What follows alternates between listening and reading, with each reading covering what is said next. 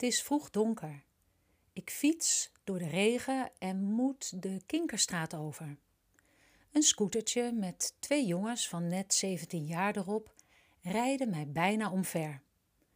Ik reageer met een mengeling van onrust, irritatie en angst voor mijn tanden op het asfalt.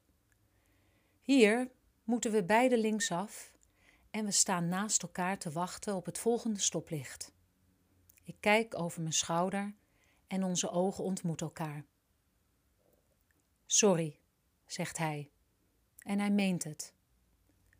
Het voorste jochie kijkt me aan met uitdagende, vrolijke, donkere ogen en roept: Hé, hey, ik ken u. Weet u nog wie ik ben? Mohammed, Mohammed, broer van Khadisha. Ik ben veel rustiger geworden. Echt, echt waar. Ik ben niet meer zo druk. Nee, echt, serieus. Echt, serieus. Ik lach en zeg gewichtig: Ah, drukte is prima, geen probleem. Alleen moet je wel weten waar en wanneer en vooral hoe je de drukte moet maken, toch? Het achterste jochie kijkt met een guitige blik en bonkt met zijn hoofd tegen de rug van de voorste aan. Hij vindt het allemaal heel erg grappig. En als Mohammed uitroept: Oh, juf Tineke, oh, zo lief. Ja, ik weet nog, ik weet haar nog goed hoor. Echt, uh, en ik lette echt niet goed op hoor. Oh, wat erg man. Oh nee, juf Angela, zo, die was streng, die was echt zo streng.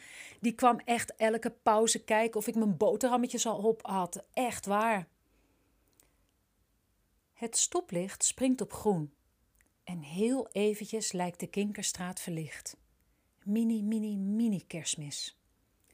Alsof de hele bult fietsers achter ons meegeniet van onze luidruchtige vrolijkheid. Even lijkt alles lichter. Nou, ik zeg vrolijke kerst dan maar en uh, ja, tot ziens, hè, hè, toch, toch? En weg zoeft het scootertje voor me uit.